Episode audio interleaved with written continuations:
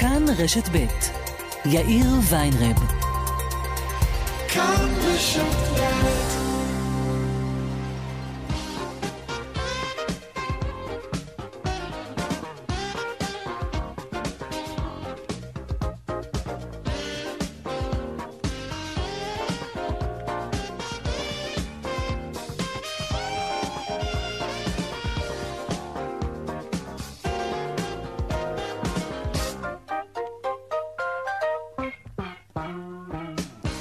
שלום רב לכם, ארבעה וכמעט שש דקות כאן צבע הכסף ברשת ב', יום שלישי מעכשיו עד חמש, רונן פולק העורך. אביגל בשור מפיק היום את צבע הכסף, טכנאי השידור חיים זקן, הדועל שלנו כסף כרוכית כאן.org.il, אפשר ליצור קשר גם בדף הפייסבוק שלנו, כאן ב'. אני יאיר ויינרב, אנחנו מיד מתחילים.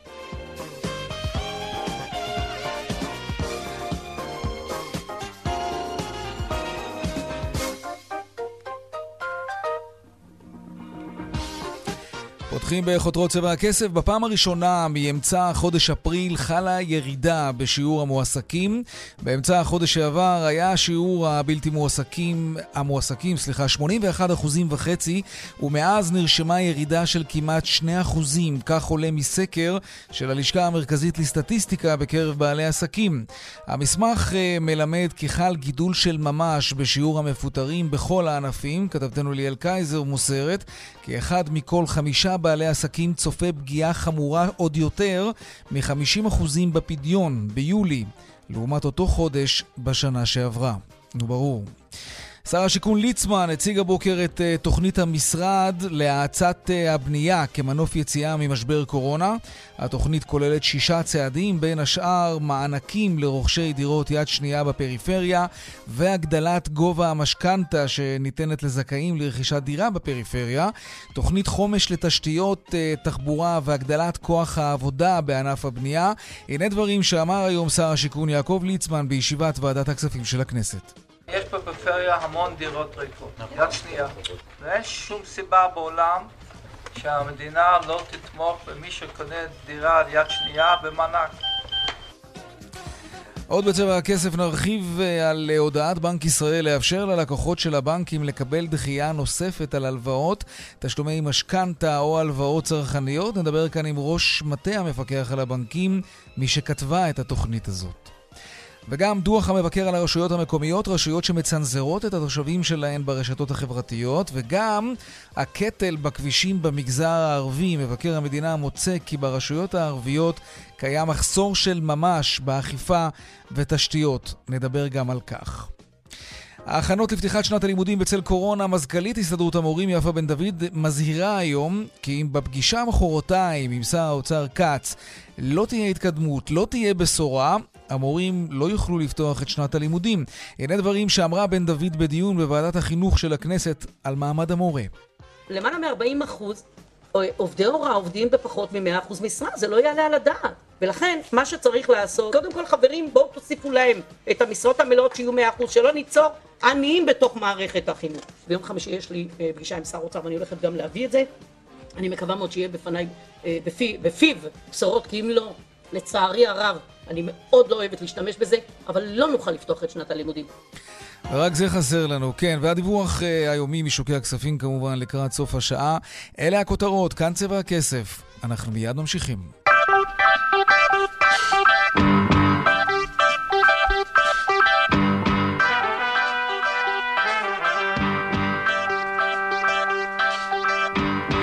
טוב, אנחנו ממשיכים לעסוק גם היום בהקלות שהבנקים אה, מחויבים לתת עד סוף השנה בכל מה שקשור להלוואות שלקוחות נטלו והם מתקשים עכשיו מטבע הדברים בגלל המצב להחזיר לבנקים את ההלוואות האלה, כולל משכנתאות. זה בגלל המשבר כמובן. שלום טל הראל, ראש מטה המפקח על הבנקים בבנק ישראל. שלום לך. שלום, צהריים טובים. בואי ניתן קודם כל איזושהי סקירה מהירה על המשך ההקלות וההרחבה שלהן שנתתם אתמול לבנקים, ללקוחות של הבנקים, כן.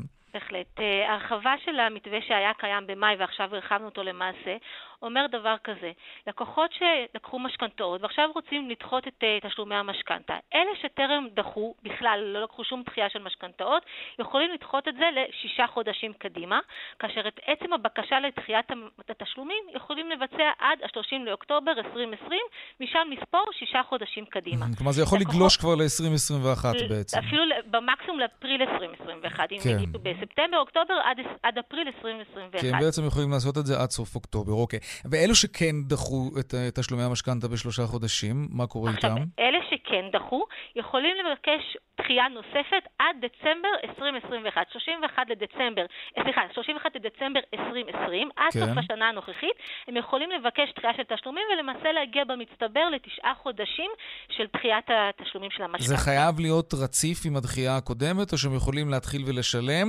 ואז לקראת סוף השנה לבקש עוד גרייס כזה לקראת השנה הבאה?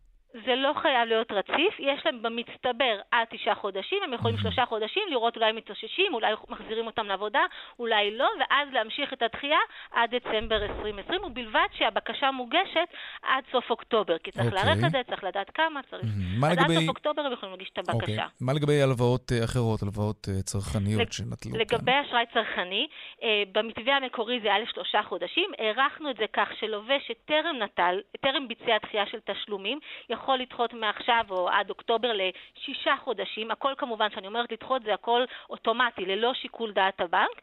לווה שכן ניצל את זה ודחה לשלושה חודשים, יוכל לבקש לעוד שלושה. חודשים נוספים, עד אוקטובר הוא יכול להגיש את הבקשה. Okay. אוקיי. יש פה למעשה באמת הרחבה שעוזרת ללקוחות שכולנו יודעים שנקלעו לקשיים, שיש להם קשיים עם הפרנסה ובהתאמה גם קשיים לשלם את המשכנתה עם תזרים מזומנים, קצת מרווח נשימה כדי שידעו שהם לא צריכים להיות מוטרדים מהתשלומים השוטפים האלה ולדחות אותם אה, וזה נהדר בהיבט של הלקוחות, אבל את יודעת, סך הכל הדחיות האלה עולות בסופו של דבר כסף.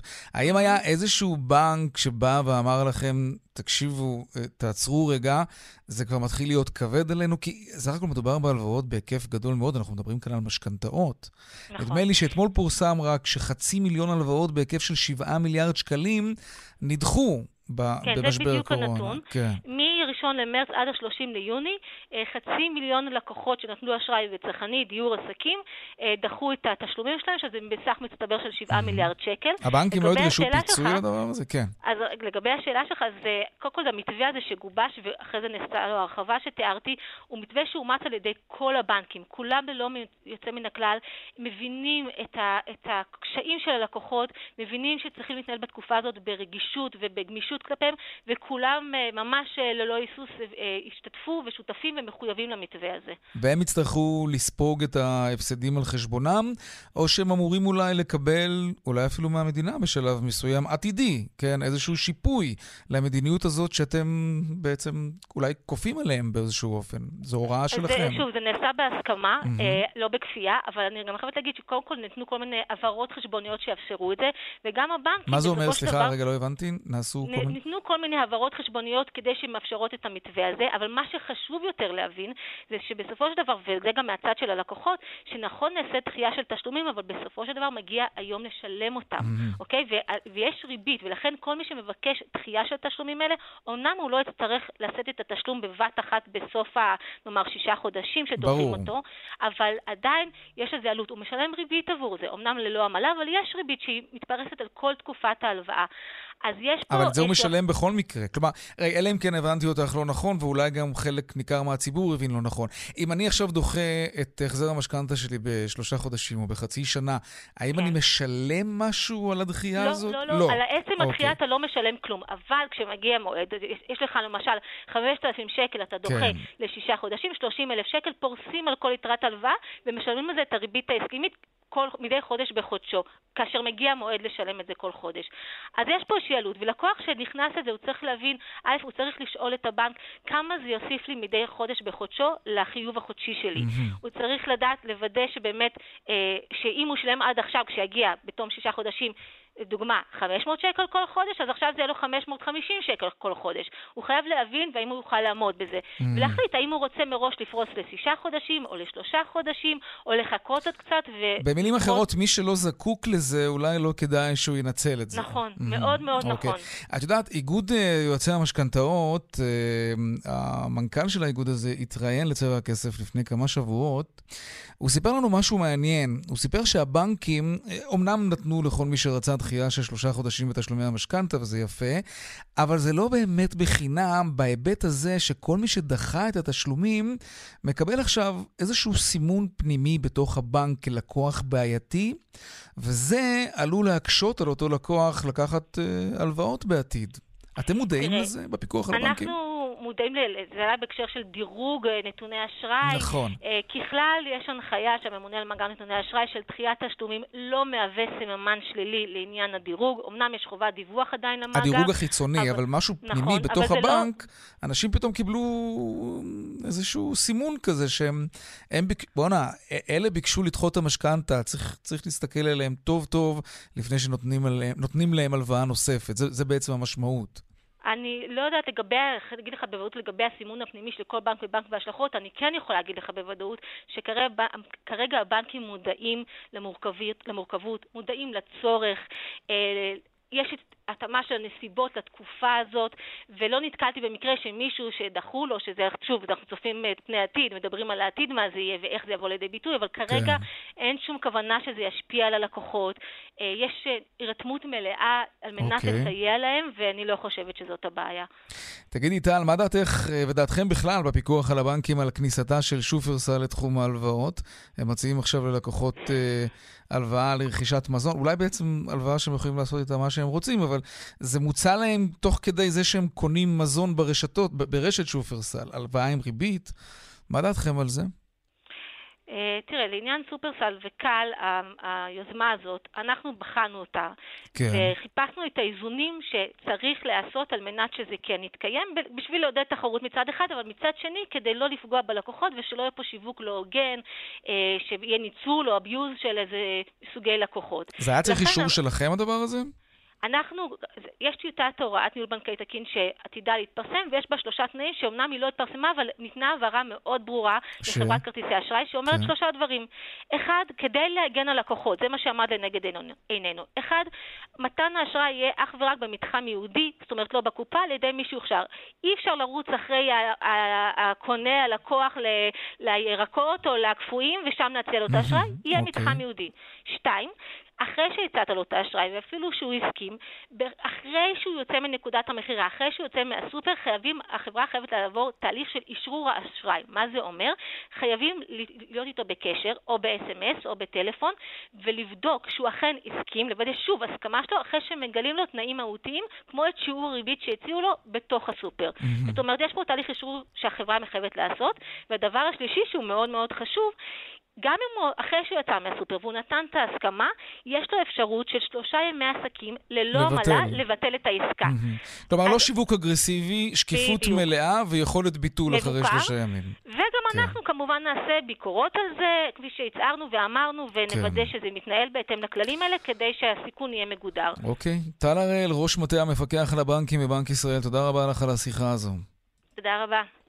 להתראות. מבקר המדינה ממליץ להשקיע משאבים בעיקר בחינוך לזהירות בדרכים בחברה הערבית וגם לתגבר את משמרות הזהב שם מתברר ששליש מההרוגים בתאונות הדרכים באים מהמגזר הערבי. שלום שרון עידן, כתבנו לענייני תחבורה. כן, שם מבקר המדינה בדק גם את עניין, אה, ה, אה, נאמר, תרבות הנהיגה בחברה הערבית, בעיקר ביישובים אה, ערביים, והגיע לכלל מסקנה שאנחנו רואים שם נתונים שהם יותר בעייתיים, כן. בין היתר, בעיקר הם קשורים לחינוך, זאת אומרת שהרבה פעמים גופים שאמורים, אולי באמת מגילאים יחסית נמוכים, לחנך גם את מי שאמורים בעתיד לעלות על ההגה, אה, לפעול אחרת לא עושים את זה, הוא מפנה גם סוג של אצבע מאשימה כלפי הרלב"ד, הרשות הלאומית אה, לבטיחות אה, בדרכים ובכלל משרד אה, התחבורה. בין היתר אומר המבקר שכדאי מאוד גם לשפר את התשתיות במגזר הערבי, כלומר יש פה גם עניינים שקשורים לתשתיות שהמדינה אחראית עליהם באופן ישיר ולא פועלת אה, לטעמו אה, מספיק טוב, אבל עדיין העניין העיקרי הוא בהחלט אה, עניין אה, החינוך. עוד הוא אומר שבחברה הערבית יש פחות מודעות לציות לכללי וחוקי התנועה, בין היתר גם לתמרורים, גם למעברי חצייה, לדברים שיכולים להיות אה, מצילי אה, חיים. הדבר הזה גם נגזר משני אה, כיוונים, פעם אחת גם באמת תשתיות שהן מראש פחות ירודות, פחות רואים מעברי חצייה לצורך העניין כן. שנצבעים באופן אה, אה, פחות אה, תדיר, וגם בגלל שחלק גדול מאותם מי שאמורים בסופו של דבר לנהוג ברכבים או לצורך העניין לחצות את הכביש, פחות מודעים לזהירות שמחויב כל אחד ואחת מאיתנו כמובן לנקוט. כן. הדברים האלה כאמור הועברו למשרד התחבורה להמשך טיפול. אוקיי, שרון עידן, כתבנו לענייני תחבורה, תודה רבה על העדכון הזה, ומבקר המדינה, כן, שם דגש מאוד חזק על העניין הזה, ואנחנו נמשיך לטפל במה שקורה במגזר הערבי מבחינת תאונות הדרכים. שלום, עורך הדין יניב יעקב, סמנכ"ל עמותת אור ירוק, שלום. שלום, יאיר. המבקר אנגלמן אומר, אמ, מילים כאלה או אחרות, שהגורם המרכזי שמגביר את הסיכון של האוכלוסייה בחברה הערבית להיפגע בתאונות דרכים הוא סביבה תרבותית נוגדת בטיחות. תסביר לנו במה מדובר. מה זה אומר סביבה תרבותית נוגדת בטיחות? בואו, לפני שאנחנו צוללים לזה, קצת נדבר על המספרים בשביל שנבין כן. עד כמה המצב אה, חמור. מתחילת השנה, דרך אגב, אנחנו מדברים על 52 הרוגים מהחברה הערבית. אני יכול להגיד לך שבין החברה הערבית, החברה היהודית והזרים, האוכלוסייה היחידה שנרשמה בעלייה בהשוואה לשנה שעברה זו החברה הערבית, וזה מייצג מצב מתמשך. החברה הערבית מהווה 33 אחוז, שליש מההרוגים בתאונות דרכים. כשהם 21 אחוזים מהאוכלוסייה, בדיוק. 21 אחוזים כן. מהאוכלוסייה. פי אחד וחצי יותר. זה לא נורמלי. נכון, והאבסורד פה, שזה לא משהו מהשנה האחרונה, מלפני שנתיים, זה כבר שנים ארוכות, עשור בערך פחות או יותר, mm-hmm. שזה המצב. ואז צריך לבוא ולשאול באמת מה, מה הבעיה ומה צריך לעשות. מה קורה שם? מה הבעיה באמת? אז אנחנו דבר ראשון לבוא ולומר כל החברה הערבית זה לא נכון, צריך לבוא ולבדוק איפה הבעיות. והבעיות מתמקדות דבר ראשון בנהגים צעירים. אנחנו רואים שם מעורבות של אה, פי שניים וחצי יותר מעורבות של נהגים צעירים. אבל נהגים צעירים דרכים. יש בכל המגזרים. מה קורה שם פנימה, בתוך החברה, שאתה יכול לשים את האצבע ולומר, זה קורה בגלל זה? האם מדובר בתשתיות לקויות בכפרים הערביים או באזורים איפה שהם חיים בעיקר, או, ש... או שזה משהו אחר? כי אנגלמן. משתמש פה בסיבה, הוא מגדיר את זה סביבה תרבותית. למה הוא מתכוון לדעתך? אז אני לא חושב שזה עניין תרבותי, כמו שזה שילוב של כמה גורמים. ודבר ראשון, כמובן, נושא התשתיות. מספיק להיכנס ליישובים הערביים ולראות כן. את המצב של המדרכות, של הכבישים. נכון, את. את העובדה שילדים בדרך לבית ספר כן. צריכים ללכת בשבילי עפר, צריכים נכון. ללכת על הכביש כי אין מדרכה. יש כפרים שאין מדרכות פשוט, כן, זה לא נורמלי. נכון מאוד, ואנחנו כן. באמת רואים השפעה והשקעות יותר גדולות לאחרונה של משרד התחבורה בנושא, אבל זה לא מספיק. ויש הרבה פגיעות בתוך הערים עצמן, בתוך היישובים? נכון מאוד, וזה גם מעביר אותנו מעבר לנהגים הצעירים לקהל הבעייתי בסיכון השני, שזה ילדים. ואנחנו כן. רואים שם ילדים בשיעורים של פי חמישה ופי שבעה יותר מהמגזר היהודי. וזה מתחבר אחד לנושא הזה של תשתיות, ודרך אגב, המבקר בדוח שלו מדבר באופן ספציפי על אזורים של uh, מוסדות חינוך. Mm-hmm. כל הסביבת מוסדות חינוך זה אזור בעיה שיש שם... שאיננה בטוחה. רגע, אבל מי אחראי לעניין הזה? זאת הרשות המקומית? משרד התחבורה? אז אלו משאבים שהמדינה אמורה... לה... יש הבדל, אגב, בהשקעת הכספים בין המגזר הערבי והמגזר היהודי, בכל מה שקשור לתשתיות שהן אמורות להיאבק בתאונות הדרכים? אז ככה, מבחינת אחריות לגבי החלק הראשון של השאלה שלך, האחריות היא אחריות משותפת, היא אחריות בראש ובראשונה של הרשויות על התחום אחריות שלהם ועל היישוב שלהם, אבל במקביל גם של משרד התחבורה, ולמה גם של המשרד מעבר לאחריות הכללית של המשרד לנושא הבטיחות בדרכים בכל הארץ, יש גם תקציבים שהמשרד מעביר. עכשיו, בשנים האחרונות אנחנו רואים גידול בתקציבים האלה, אבל הגידול הזה הוא לא מספיק, כי אנחנו מדברים פה על פער של עשרות שנים שצריך כן. לסגור אותו. עכשיו, המבקר מדבר על עוד נקודה בעייתית, שיש מקומות, יש רשויות, שבהן גם איפה שהמשרד כן העביר כספים, וכמו שאמרנו, צריך להגדיל את הכספים האלה, לא תמיד יש ניצול מלא שלהם. כלומר, צריך פה גם גוף okay. אוקיי. כלשהו שינטר, שיבדוק שהכספים האלה מגיעים למקומות הנכונים, mm-hmm. וכמובן, חינוך ואכיפה. אי אפשר לעשות חינוך, תשתיות חינוך. לבד. כן, שם זה מתחיל. וביחד עם זה, גם אכיפה, שאנחנו נראה את התוצאות שלה בטווחים קצרים יותר. אוקיי. שים שוטר, שים פס האטה, תחנך נכון, בסוף אנחנו נראה את התוצאות. עורך הדין יניב יעקב, סמנכ"ל עמותת אור ירוק, תודה רבה לך. תודה. תודה. טוב, אה, עכשיו נדבר עדיין בדוח מבקר המדינה, אה, שמפרסם היום גם דוח על הרשויות המקומיות, ובין השאר פרק על שימוש ברשתות החברתיות על ידי הרשויות המקומיות. שלום צח שפיצן, כתבנו לענייני משפט. צהריים טובים. המבקר מוצא בעצם שרשויות מקומיות מצנזרות מראש באופן אוטומטי, באמצעות איזשהו אלגוריתם, הן מצנזרות תגובות של תושבים שלהם. כן. יופי, כמה קל, חיים יפים, למה לא? טוב, תראה, קודם כל לא ידעתי את זה, אבל כן, כנראה שכשאתה מנהל קבוצה, אתה יכול מראש להגדיר שמילים מסוימות, אם הן מופיעות בתגובה, פשוט התגובה לא תופיע, היא מראש מצונזרת. אני אתן לך אה, דוגמאות למילים. כן. לדוגמה, בעיריית טבריה חסמו את המילים הבאות: גנבים, אוכלי חינם, מושחתים, חלאה, אפס, נוכל, מושחת. בעיריית קצרין אה, חסמו את המילים הבאות: דיקטטור, סתום, טיפש ושמן. אוקיי? סלח לי. עכשיו, כן, כן, זה אוקיי. בסדר. אגב, בעיריות אחרות גם ערבים ופלסטין. עכשיו, מה תשמע, אומר? על פניו, אתה יודע כן. מה, בסדר, זה מילים שלא צריכות להופיע בתגובה שהיא מנומסת. אוקיי? נכון, אבל אני לא חושב שהרשויות הן החאן הבבלי של הפייסבוק. זאת אומרת, כן. מה שמעיר מבקר המדינה, הוא אומר, תשמעו, אתם רשות מקומית, אתם רשות ציבורית, אתם צריכים, אתם יכולים לספוג גם תגובות שהן נגד ראש הרשות, נגיד, או נגד אנשים. ואם מישהו כותב אה, אה, שמן או אפס, או אפילו אומר שמישהו מושחת, זה משהו שאתם יכולים, ובטח אם הוא כותב ערבים או פלסטין, זאת אומרת. כן. זה משהו שאתם יכולים לספוג, זה מסגרת חופש הביטוי כשאתם מראש מצנזרים. עכשיו, מסתבר גם שכשיש אלגוריתם כזה, הוא עלול גם, אה, אה, כש, כשכתוב ערבים, הוא יכול למחוק גם את המילה ערבים. כל ישראל ערבים, זה, נכון. זה פתאום לא יופיע. כשכתוב שמן, מישהו יכול להתלונן על שמן על הכביש שהוא החליק עליו, והשמן הזה לא יופיע, זאת אומרת, זה אפילו יכול לגרום לטעויות. ובאופן כללי, אומר המבקר, תשמעו, אתם... אה, זה עלול לגרום לצנזור של אה, תגובות שהן אה, לגיטימיות. עכשיו, גם אם הן לא נעימות לעיניים או לאוזניים. מה? אז לא נעים, כן. אז נגיד שמישהו, נגיד שתושב מסוים אומר, אני חושב שאתם מושחתים. אז זה, זאת, זאת תגובה ש, שצריכה לא להופיע.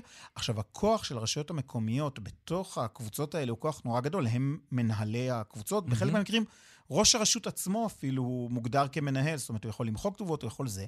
עכשיו, נותן המבקר כמה דוגמאות בתוך הדוח לשימוש מאוד לא נאות. בכלי הזה. בכוח אומרת, הזה, כן. כן, לדוגמה, עיריית קריית גת מפרסמת שהיא עומדת לפטר 300 עובדים, לפני שהיא נתנה הודעה אה, אה, רשמית אישית לכל עובד ועובד שהוא מזומן לשימוע לפני פיטורים. זאת אומרת, המקום שהוא זה קורא גם לזה... משהו שהמבקר התייחס אליו? כן, כן, זה נמצא, והמבקר Mm. אומר... האמת שזה- איזה מין דבר זה זה נמצא באמת. בפייסבוק. אוקיי. אה, אה, רשות מקומית אחרת במגזר הערבי מפרסמת מכתב האשמה נורא חריף נגד מהנדס העיר, שבו האשמות שעל... יש סכסוך בין, אותו, בין ראש הרשות לבין המהנדס, אז יש שם האשמות שהן גובלות כמעט בפלילים. והוא לא יכול להגיב כמובן, כי הוא לא חלק מה... הוא לא מנהל גם את ה... למחוק, יכולים גם כן. למחוק לו את התגובה, נכון. אם, הוא, אם הוא כותב ערבים או פלסטין, פתאום בתגובה ימחקו. כן. עכשיו, וזה זה דבר נוסף. אה, אה, אה, או עיריית ירושלים פרסמה איזושהי אפליקציה, יישומון שעושה סיורים במחנה יהודה, אבל זה יישומון שהוא מסחרי. עכשיו, אני אומר, זה, אומר, אומר המבקר, יש לנו פה איזושהי בעיה. החוק... הוא נמצא הרחק הרחק מאחורי ההתפתחויות הטכנולוגיות. כי הן הרבה יותר מהירות תמיד. אה, כן. פקוד- טכנולוגיה יותר העיריות, מהירה מהאתיקה. פקודת העיריות, כן. לדוגמה, היא פקודה, זאת אומרת, היא מלפני אה, 1948. היא- זה מתקופת כן. המנדט, הפקודה ברור. הזאת. רשום בה שהנציב אה, יחליט בכל, בכל דבר ועניין, והוחלף בשר הפנים. אז אה, אנחנו צועדים אחורה, אה, זאת אומרת, אין מספיק דיבור על העניין הזה בחוק, מצד אחד, ומצד שני, יש לנו כאן סוגיות שבהחלט ראוי ש- שתהיה אליהן התייחסות כן. בחקיקה. האמת שגם פייסבוק, עם כל הביקורת עליה, היא הולכת ומתקדמת לכיוון של לצנזר באופן אוטומטי פוסטים שהם אינם ראויים או מסעידים. תשמע, ציוצים ופוסטים של, של נשיא הברית, טראמפ, הרי מצונזרים ונמחקים. כן. אז, אז מה, מה זאת רשות מקומית שעושה עכשיו, את זה? עוד, עוד דבר מעניין שיש שם, אגב, אה, מדבר המבקר על דפים אישיים של ראשי העירייה. שהדפים האלה נעים בין הציבורי, שהוא בסדר, עשיתי כך וכך, לבין האישי, שהוא גם בסדר, מישהו משתף תמונה וזה, לבין זה שזה מתחיל להיות פוליטי לקראת תקופת בחירות. עכשיו, אומר המבקר שבחלק מהמקרים העירייה מימנה, ואפילו עוד דובר העירייה או מישהו מתוך העירייה ניהל את הדף הזה, והדף שימש בין השאר לתעמולה פוליטית של אה, ראשי עיריות. זה נושא שהוא מעניין מאוד, ואני חושב שהוא באמת צריך, צריך כאן איזושהי חקיקה או רגולציה שתתחיל אה, להתמקד מעניין. בזה. צח שפיצן, כתבנו לענייני משפט, תודה רבה לך. תודה רבה. על הדיווח הזה. עכשיו נדבר uh, על uh, תוכנית הנדל"ן החדשה של משרד השיכון. שר השיכון ליצמן אומר היום בוועדת הכספים, מי שקונה דירת ארבעה חדרים בשלושה מיליון שקלים לא צריך הנחה. הוא הציג היום את התוכנית כאמור בוועדת הכספים של הכנסת. שלום רוני מזרחי, נשיא לשכת הקבלנים. שלום, שלום, צהריים טובים. גם לך. בעצם התוכנית החדשה של ליצמן, אחרי שהוא חיסל את uh, מחיר למשתכן של כחלון, אם הבנתי אותה נכון, היא לשווק קרקעות כמו ששיווקו תמיד במרכז הארץ, במחיר מלא, למלא את קופת המדינה ולהשתמש בכסף הזה כדי לסבסד ולממן פרויקטים ברי השגה בפריפריה, ששם לא מצליחים ממש למכור דירות. זה, זה, זה פחות או יותר הרעיון, לא? האמת שזה הרעיון בגדול. יחד עם זאת, התוכנית הזאת בוודאי יותר טובה מהתוכנית של כחלון. רגע, לפני התוכנית של כחלון, אם זה הרעיון בגדול, ואתה מחמיא לו ככה בין השורות ואולי אפילו באופן מובהק, למה זה כל כך טוב? כי אני, אני חייב להגיד לך, יש אנשים שגדלים באזורי הביקוש, נולדים שם, רוצים במרוצת השנים, אחרי שהם מתבגרים, מתחתנים, מקימים ש... משפחה, רוצים להישאר לגור בתל אביב, ברמת גן, בגבעתיים, ליד ההורים שלהם. להם לא מגיע איזושהי תוכנית של בנייה ברת השגה, כדי ש... מה תגיד להם? לכו לפריפריה, תגורו רחוק, במרחק שעה וחצי, שעתיים מההורים? אז כלומר, הנה, אני, כן. אני, אני ממש איתך, אתה צודק במאת האחוזים. ולכן הדר... הרעיון של ליצמן, אמרתי, הוא תוכנית יותר טובה, והנה הרעיון. התוכנית טובה, במרכז לשווק מחירים, מחיר מלא כדי למלא את קופת המדינה, וזה בסדר. יחד עם זאת, אני מזכיר לך שהצעתי אז וגם היום, תוכנית משלימה לאותו רעיון טוב, שבו יאפשרו, יחייבו את הרשויות המקומיות לאשר 30 אחוז שבס כחלון חובה לא רשות לרשות המקומית לחשוב, להחליט, אלא חובה, הוראת שעה לחמש שנים, תאפשרו 30% תוספת דירות קטנות של שלושה וארבעה חדרים, אלו יהיו הדירות המיועדות למחיר למשתכן, המדינה תקבל 100% מהכסף בגין מכירת הדירות באזורי הביקוש, ה-30% דירות יהיו מיועדות לזכאים ולזוגות צעירים, כך שכמו שאמרתי קודם, אם אתה זוכר, כן. היטל ההשבחה, אם נקבל פטור, מחיר הדירה יהיה 40 אחוז פחות, ואם לא נקבל פחות, יהיה 20 אחוז, וכמו שאמרתי, את המחיר יקבע גם השמאי הממשלתי. אז Mm. גם קופת המדינה תהיה מלאה, וגם, גם יהיו לזוגות הצעירים מחיר למשתכן באזור מרכז, ולא בתוכנית עצמאית, אלא אז כנספח. אוקיי. עכשיו, אל תשכח גם שהמדינה משווקת כ-50 עד 60 אלף, משמע, בין 15 ל-18 אלף יחידות דיור, שזה בדיוק השוק למחיר למשתכן, אלו הדירות שיהיו לזוגות הצעירים. באותה הזדמנות אני מציע גם שהמכרזים יצאו במנות קטנות כדי לשתף את כל הקבלנים, כי מה שהיה עד היום, שבמכרזים של המינהל השתתפו רק 4.5% מהקבלנים יכלו להשתתף, ולכן צריך לשתף את כל כלל הקבלנים בישראל, להוציא גם במנות קטנות, ואז אנחנו נראה במקום 50 אלף יחידות בבנייה, נראה את ה-80 ו-90 אלף. איך נראה את זה? ברגע שנשתף גם את הקבלנים הקטנים, ג' 1, ג' 2, ג' 3 בעשייה, אזי כולם, כל הקרקעות יצאו לבנייה במכה אחת, ואז נוכל לראות סוף סוף עצירה של עליית המחירים, נוכל לראות מנות גדולות במחיר למשתכן, הסברנו את השוק הרעב במשפרי דיור באזור המרכז, וככה כולם יצאו מרוצים. אוקיי. אחד הדברים שאני רוצה רגע, להגיד... רוני, בוא, בוא נשמע, ואחר כך. תוכל גם להתייחס לדברים שאומר היום השר ליצמן בוועדת הכספים של הכנסת. אני רוצה פריפריה, ושם אני מתכוון אה, אה, למקד את הפעילות. יש בפריפריה המון דירות ריקות, יד שנייה. ואין שום סיבה בעולם שהמדינה לא תתמוך במי שקונה דירה יד שנייה במענק. אני חושב שזה ייתן פתרון שאנשים יוכלו לקנות דירות בזול, יקבלו מענק, יוכלו לשפץ אותם, וזה יהיה מיידי בלי שכירות בכלל. זה יהיה אה, עד 700 אלף שקל. לא, מבחינת שנים. מחיר הדירה בנגב והגליל, שם אני מתכוון לתת מענק גדול די גדול לדירות יד שנייה. רוני, אני אגיד לך מה אני מבין מהדברים האלה. נראה לי שהוא מכוון, והוא מתכוון ללכת על זה עד הסוף, לפריפריה, פריפריה, פריפריה. הוא לא יעשה שום דבר כדי להוזיל באזורי הביקוש את הדירות, כי יש שם דירות ריקות בפריפריה, והוא לא רוצה שאנשים יגורו במרכז. כלומר, מי שיכול להרשות לעצמו בוודאי שכן. תראה, אנחנו כולנו חכמים להבין שיש לו מחויבות לקהל החרדי שהוא מייצג. אנחנו מבינים את זה. על פניו זה משתמע ומובן. יחד עם זאת, זה לא נוגד את התרבות שלנו להיות ערבים זה לזה. זאת אומרת, אם יש דירות פנויות והאזור זול, וזה מתאים אה, לחרדים, למה שנתנגד? אחד, שהדירות שכבר השקיעו בהן כסף יאוכלסו, mm-hmm. שתיים, לעזור לחרדים, כדי, כי ברגע שנוריד את הלחץ של החרדים מאזור מרכז לפריפריה, אזי גם פה ירד הלחץ, כי בכל זאת פה הם קונים דירות באין ברירה, ואם אנחנו רואים שאפשר לשכן אותם שם, והם רוצים וזה מתאים, ונכון שהמדינה תצטרך להכניס יד לכיס. אני חושב, אני חושב שזה בסדר, הם גם חלק מעם ישראל וגם לחרדים צריך לעזור. יחד עם זאת, לצעירים שלנו נתתי לך ברגע זה פתרון כן. לאזור מרכז, וכדי למלא את הקופה אנחנו חייבים להגביר את הפעילות במשק. אני אמרתי ואני חוזר, אה, להגיד לכץ ולליצמן תודה שבינתיים הורידו את המס רכישה לדירות אה, למשקיעים לחמישה אחוז ועדיין זה גבוה. לטעמי מס רכישה צריך להתבטל לזוגות צעירים. משפרי דיור 2.5% ובוודאי תושבי חוץ יהודים שבאים ומשקיעים פה, גם להם לעשות 2.5%. אתה יודע, אבל רוני, אנחנו מדברים על כמעט, עדיין, לצערנו, כמעט מיליון מובטלים. כוח הקנייה של הציבור הולך וקטן. תכניס את המשקיעים לשוק בחזרה, המחירים יידחפו כלפי מעלה, לא, כך שגם אבל... מי שרוצה לקנות דירה ויתאמץ לקנות דירה, כי גם השכר ירד, אולי אפילו גם במגזר הציבורי ירד השכר, אין לדעת. אתה בעצם מקשה על זוגות צעירים לקנות דירה אני... אם אתה מכניס את המשקיעים חזרה פנימה. אני איתך בכל מילה שאתה אומר, אבל אני תמיד גם מוצא את הפתרון הנכון. כל מה שאתה אומר הוא נכון. אני מדבר שברגע שהתנעת את הקטר של המשק וענף הבנייה יוצא מהבוט שבו הוא נמצא לאור הקורונה והמצב הכלכלי במדינה. אל תשכח שבאזור מרכז המדינה מקלפת מכל מחיר של דירה מיליון ש"ח, מדירת שתיים וחצי מיליון, המדירה מקלפת כן, לעצמה. לכיסה.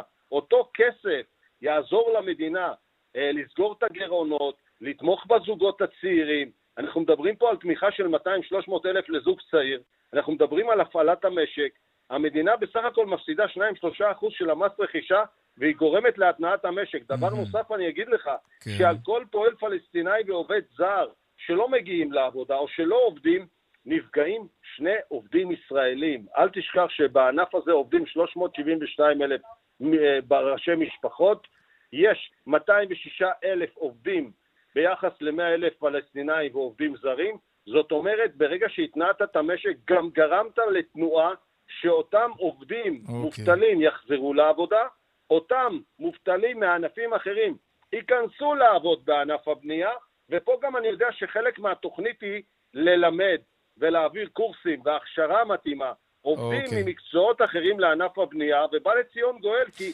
רוני. בסופו של יום ענף הבנייה הוא הקטר של המשק שהוא מפעיל את המשק כולו. לכן לא צריך להסתכל על הקבלנים, צריך להסתכל מה זה נכון mm. למדינה. לטעמי, no. זה נכון מאוד. רוני מזרחי, נשיא לשכת uh, הקבלנים, תודה רבה לך. בבקשה, נעים מאוד. צהריים טובים. גם תודה. לך, רוני, ביי. Uh, ביי. דיווחי תנועה עכשיו.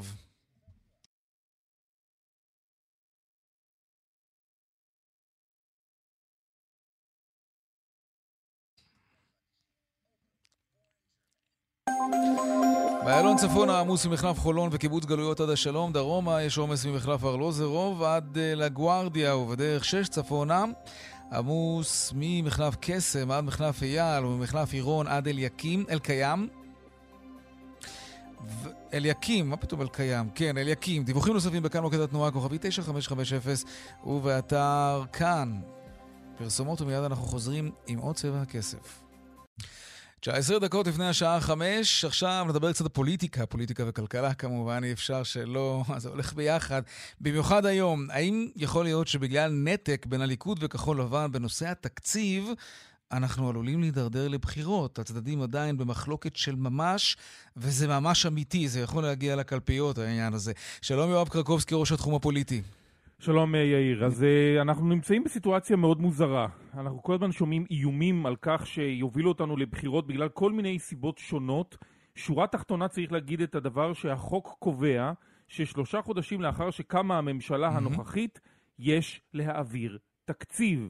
כלומר, בין אמצע אוגוסט לסוף אוגוסט לא יעבור תקציב בשלוש קריאות בכנסת, אוטומטית הממשלה והכנסת מתפזרים והולכים לבחירות. ככה זה גם בכל שנה קלנדרית, עד סוף נכון. מרס, אם לא מאשרים תקציב, הממשלה נופלת, כן. בדיוק, ואנחנו עכשיו נמצאים בסיטואציה שבה עוד רגע חוגגים אה, את האירוע המשמח, אולי לחלק מהאנשים, אלה לפחות שקיבלו רכבים ומשרדים שהם אה, שרים בממשלה, ועוד מעט... אה, צריך כבר לאשר את התקציב. המחלוקת בשאלת התקציב הדו-שנתי או החד-שנתי עדיין נמצאת בשיאה.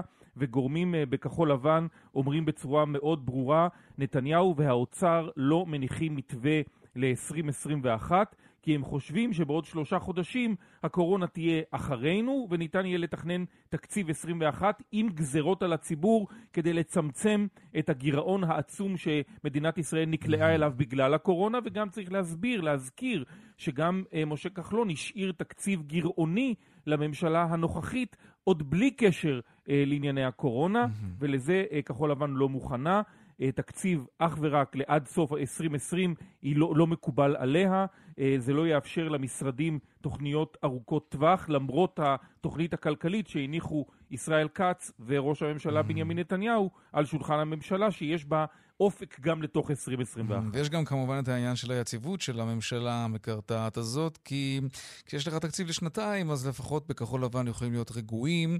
זה לא שאי אפשר להפיל ממשלה, כן? אבל זה איזושהי הצהרת כוונות שבכחול לבן היו מאוד רוצים לשמוע מכיוון הליכוד.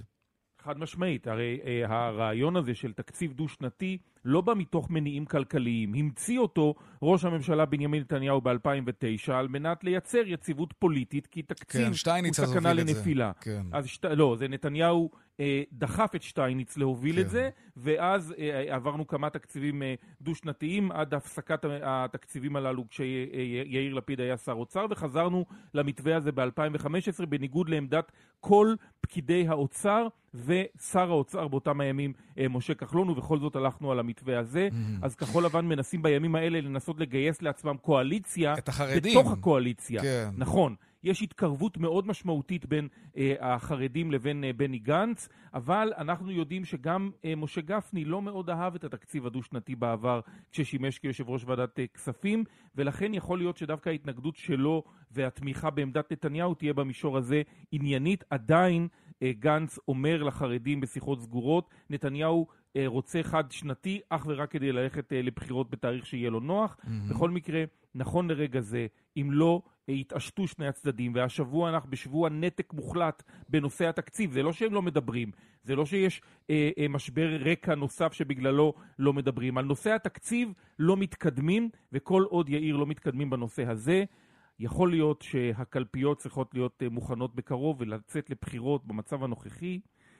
על רקע אה, משבר פוליטי סביב אני לא מסוגל לחשוב על זה אפילו. אתה? אתה לא מסוגל, אני, אה, אני, כבר, אני, אני כבר מתחיל אה, להתרגל למחשבה שמא דבר כזה עשוי להתרחש. איי, איי, איי. אני מאמין שברגע האחרון הם יתעשתו ויגיעו להסכמה. הערכה שלי, זה לא הזמן. תוכנית כלכלית, לא, תוכנית כלכלית לשנה, אולי אפילו לשנה וחצי, יציגו, mm-hmm. אבל תקציב בסופו של דבר, אני חושב, למרות הלחץ של כחול לבן, יעבור תקציב חד-שנתי עד אני אגב חושב שזה הדבר הנכון. סורי. יכול להיות, יכול להיות, לא, אי אפשר לתכנן עכשיו שנה וחצי בגלל המשבר הזה, רק בגלל זה, זה פשוט, אני, זה, באופן עקרוני, זה אני, לא אני נורמלי. חושב ש... אני מאלה שתומכים בתקציב דו-שנתי באופן עקרוני, לא הפעם. אבל, אבל יכול להיות שהפעם כן. זה פחות נכון. אני, אה, אה, בכל מקרה, אה, על הדבר הזה היו צריכים לחשוב לפני.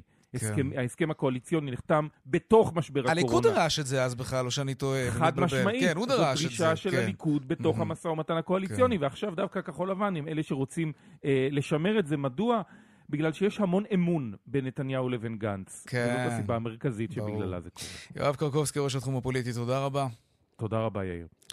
לעניין הבא שלנו, האם הכסף של רוכשי כרטיסי הטיסה, אה, הטיסות שבוטלו, כן? האם הכסף שלהם הולך ומתקרב אליהם בחזרה? כנראה שכן, אבל זה ייקח עוד זמן בגלל שינויים בחוק שעברו הלילה בכנסת, שינויים בחוק טיבי קוראים לזה, נכון? שרון עידן, כתבי לענייני תעופה, שוב שלום. שלום, כן. נכון, תראה, בעצם בקריאה שנייה שלישית עבר uh, הלילה, אנחנו מדברים על כך ש... כל מי שהיה מודאג שהוא לא יקבל אולי כסף, ייתכן שהמדינה תגיד אי אפשר לקבל החזרים, אז בעצם בואו נעשה רגע מורה נבוכים קצר. במקום אה, המצב שהיה עד היום, כלומר תוך 21 ימים לקבל את הכסף, זה ייקח כ-90 יום או עד אמצע אוגוסט. אז זה בעצם מתרחק הכסף, לא מתקרב. הוא מתרחק מבחינה זו שאנחנו לא נקבל אותו תוך שלושה שבועות, אלא עד שלושה חודשים, אבל, וזה, וזה אבל... אבל נקבל אותו בסוף, אבל נקבל אותו. עכשיו, שים לב, זאת נקודה חשובה, משום שאם למשל אתה, יאיר, הזמנת כרטיס באפריל, והטיסה לא יצאה לדרך, אז שלושה חודשים מאפריל, או עד אמצע אוגוסט, כלומר, זה כבר עניין של כחודש אה, מהיום. שים לב לעוד נקודה חשובה, נטל ההוכחה במרכאות עובר לחברת התעופה. כלומר, אם עד עכשיו אנחנו היינו צריכים לרדוף אחריהם ולהגיד, רגע, הטיסה בוטלה, לא קיבלנו את הכסף, מעכשיו חברת התעופה אמורה היא ליצור קשר עם הלקוח, להגיד לו, היית אמור לטוס לפריז במאי, לא טסת, מה אתה מעדיף? לקבל את השוברים או את הכסף? ואם דיברנו על השוברים, כאן אנחנו מדברים על כך שבעצם החברות יציעו יותר מ-100%, כלומר, אם קנית כרטיס ב-500 דולר, ייתכן שהם יציעו 120-130%, יציעו לך 600 דולר לטיסה עתידית. פה חשוב לשים לב, רוב הלקוחות כנראה ירצו כסף במזומן. קודם כל, אנחנו כולנו מכירים את המצב בחוץ, והוא לא מי יודע מה. וגם לך תדע מה יהיה עם חברות התעופה, מי ישרוד, מי לא. אחרי שאמרנו את כל זה, אל על חייבת לציבור מעל מיליארד שקלים. כן. לא ברור כרגע מתי אנחנו נוכל לראות את הכסף. אני מזכיר לך שהחברה עדיין בהדממה מוחלטת. כן, מתקרב והולך. משהו כזה. שרון עידן, כתבנו לענייני תיירות ותעופה, תודה רבה. תודה, תודה לך. טוב, התחממות נוספת בקרבות בין רשתות השיווק, זה תמיד טוב אגב. הפעם בתחום ההלוואות הצרכניות, אייל רביד, הבעלים והמנכ"ל של רשת ויקטורי, תוקף בחריפות את מיזם ההלוואות של המתחרה שלו, רשת שופרסל. רביד אומר שההלוואות האלה ששופרסל אה, נותנת ללקוחות שלהם, הלוואות בריבית כמובן, זה סוג של ניצול. שלום אייל רביד. שלום וברכה. אני קורא לציבור בישראל, אל תיקחו הלוואות למזון בריבית, אתה כותב בפוסט שלך בפייסבוק. אולי, אולי נכון. אין ברירה. אין ברירה? Mm, אולי, אתה יודע, אנשים, מיליון מובטלים. אנשים מספרים שהם רעבים, אתה זוכר גם את הפליטת פה של השר הנגבי. יכול להיות שאנשים כן. צריכים היום לקחת הלוואות, אין הלוואות בחינם. פתחתי היום הלוואה בחינם, החל מהבוקר. ניתן לקבל הלוואה בוויקטורי של עד עשרת אלפים שקלים, מ-6,000 עד עשרת אלפים שקלים. מה זה אומר בחינם? ב-12 תשלומים. כן. ב-12 תשלומים, ללא ריבית. ללא ריבית בכלל? ללא ריבית, ללא, ללא עריכת מסמכים, ללא כלום. שום דבר. כלום. ב... אוקיי, אה, זה בעצם gift card של ויקטורי, זה משהו שאני יכול להשתמש בו רק... זה יכול להיות gift card וזה, כן. יכול להיות גם, אה, וזה יכול להיות גם הלוואה אה, דיגיטלית לתוך הנייד. אני יכול להשתמש בהלוואה הזאת רק ברשת שלך? אני שולח לך עכשיו לנייד שלך, אני שולח כן. לנייד שלך אה, כרטיס דיגיטלי עם עשרת אלפים שקלים בתוכו, ויש לך מעקב אחריו, כמה הוצאת, איפה הוצאת וכולי. אוקיי, ואני... אתה לא צריך את זה, אתה לא צריך להחזיק אותו בארנק, שום דבר, יושב לך בתוך הטלפון. Mm-hmm, ואני יכול כמובן להשתמש בזה, אבל רק אה, ויקטורי, כמובן. כן, אוקיי, בסדר. אנחנו מדברים על מזון, אני לא הולך לתת אה, הלוואה כדי שיקנו בסופרסל. כן, זה... בטח לא שם, אתה אומר. טוב. תגיד רגע, ומה היקף הכסף שאתה מעמיד לטובת הדבר הזה? כל סכום שידרש. עד כדי כך? כן. Mm-hmm. ומה הביקוש של הדבר הזה?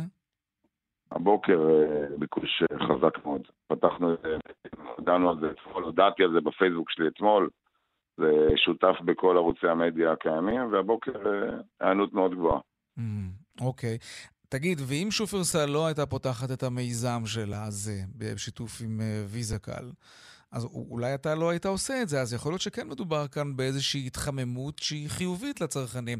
הנה, הם מציעים הלוואות, אמנם בריבית, אבל הם יגידו שזה אטרקטיבי, והנה אתה נכנס גם כן לתוך העניין הזה ונותן הלוואות ללא ריבית, אז משהו טוב אולי קורה כאן. ראשית, תמיד זה טוב. כל התחממות היא טובה.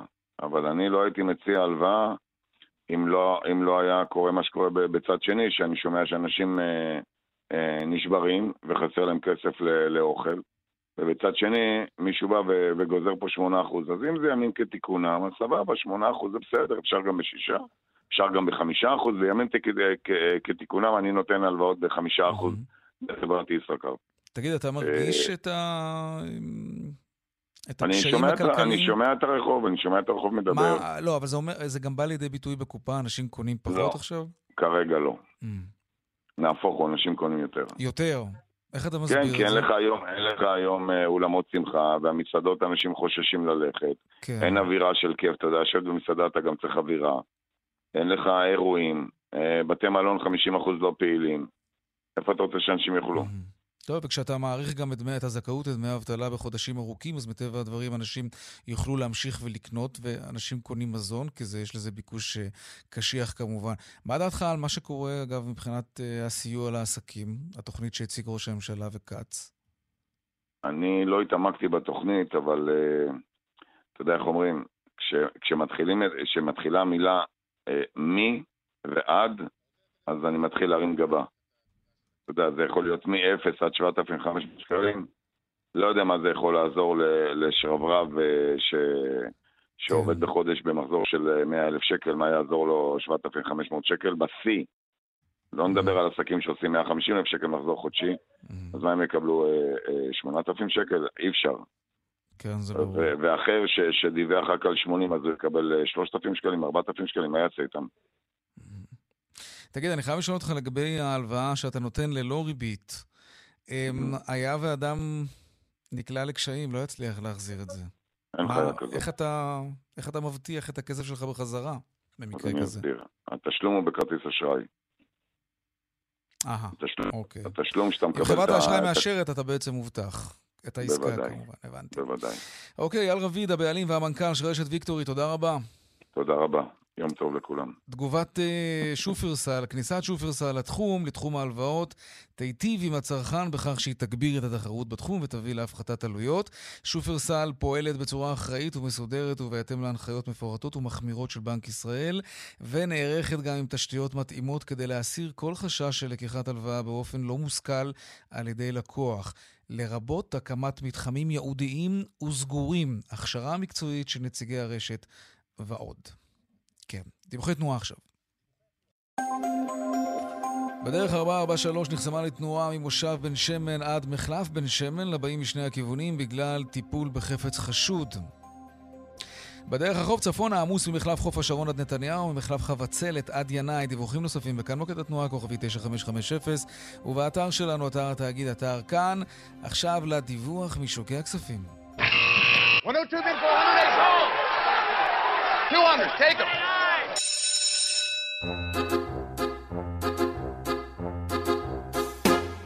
שלום דודי רזניק, אסטרטג ריביות אה, בלאומי שוקי ההון, שלום. שלום, אחר הצהריים טובים. כן, הדיווח. אה, אם כן, אה, המסחר בתל אביב מתנהל במגמה שלילית, ירידות שערים במרבית המדדים המובילים. תל אביב אה, 35 יורד באחוז נקודה תל אביב 125 באחוז נקודה. אה, מי שמוביל את הירידות אלו מניות הטכנולוגיה והבנקים שיורדים ביותר משני אחוזים. אה, והמדינות הטכנולוגיה יורדות על רקע הפתיחה השלילית בוול סטריט, שם מדד הנסדק יורד בכאחוז וחצי, וזה המשך לירידות שהיו אתמול בארצות הברית של אה, שני אחוז. אה, השקל נסחר היום ללא שינוי מול הדולר ברמה של אה, שלושה שקלים אה, נקודה ארבעים וארבע שתיים.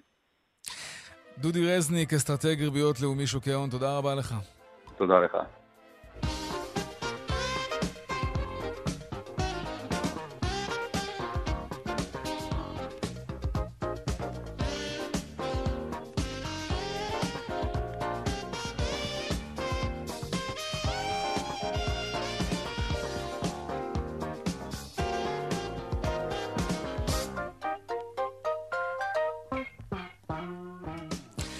כאן צבע הכסף ליום שלישי, רונן פולק הוא עורך צבע הכסף, אביגל בשור הפיק היום את התוכנית, טכנאי השידור חיים זקן, הצוות בבאר שבע, אורית שולץ ושמעון טוקרקר, אהוד כהן וחגית אלחייני במוקד התנועה, הדואל שלנו כסף כרוכית כאן.org.il, מיד אחרינו שלי וגואטה, אני יאיר ויינרב, נשתמע שוב מחר בארבעה אחר הצהריים, ערב טוב ושקט שיהיה לנו, תהיו בריאים, שלום שלום.